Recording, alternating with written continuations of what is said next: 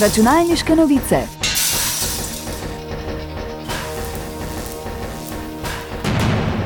Prisluhnite novostim in zanimivostim z področja računalništva.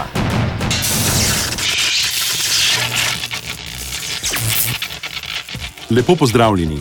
Apple je na tehnološki konferenci WWDC 2023 vendarle najavil očala za navidezno in razširjeno resničnost. Poimenovali so jih Apple Vision Pro, temeljile pa bodo na lastniškem sistemu Vision OS.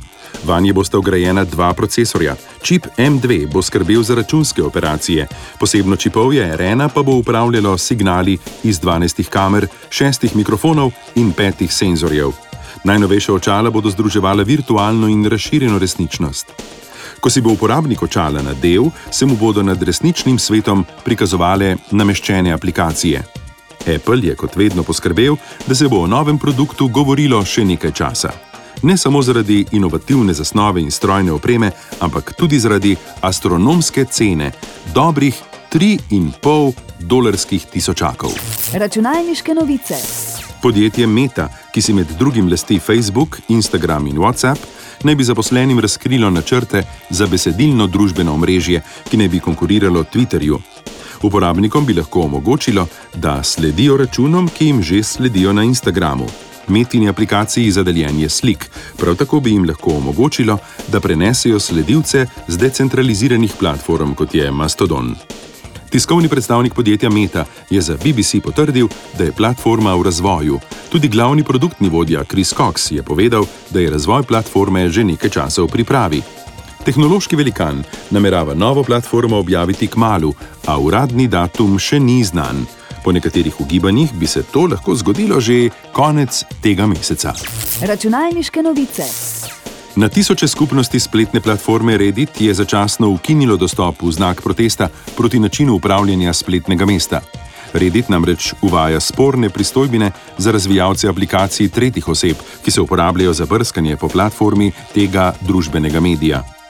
Stroški uporabe uradnega programskega umestnika bi tako lahko za nekatere razvijalce znašali tudi 20 milijonov dolarjev na leto.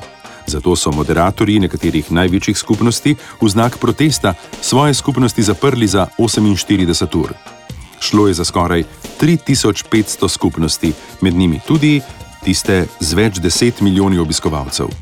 Razvijalci tretjih aplikacij so sporočili, da bodo po vsej verjetnosti prenehali z razvojem. Računalniške novice. Evropska komisija je odobrila 8,1 milijarde evrov pomoči za projekte na področju mikroelektronike in komunikacijske tehnologije. Denarni sklad je namenjen prizadevanjem Evropske unije, da bi bila na vrhu piramide tehnoloških inovacij. Izvršni organ Evropske unije je v četrtek sporočil, da lahko 14 držav članic zagotovi pomoč za 68 projektov, v katere so vključena podjetja kot so Airbus in Ericsson. Projekti, v katerih sodeluje skupno 56 podjetij, vključujejo raziskave in razvoj na področju materijalov in orodij ter zasnove in proizvodnih postopkov čipov.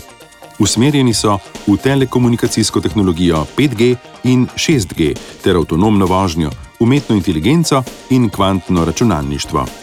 Prvi novi izdelki bi lahko prišli na trg že leta 2025, celoten projekt pa naj bi bil končan do leta 2032. Računalniške novice. Končana pa je današnja izvedba računalniških novic. Hvala za pozornost in nasvidenje prihodnič. Novosti in zanimivosti je za vas pripravilo uredništvo revije Računalniške novice. Prisluhnete nam lahko ponovno naslednji teden ob istem času.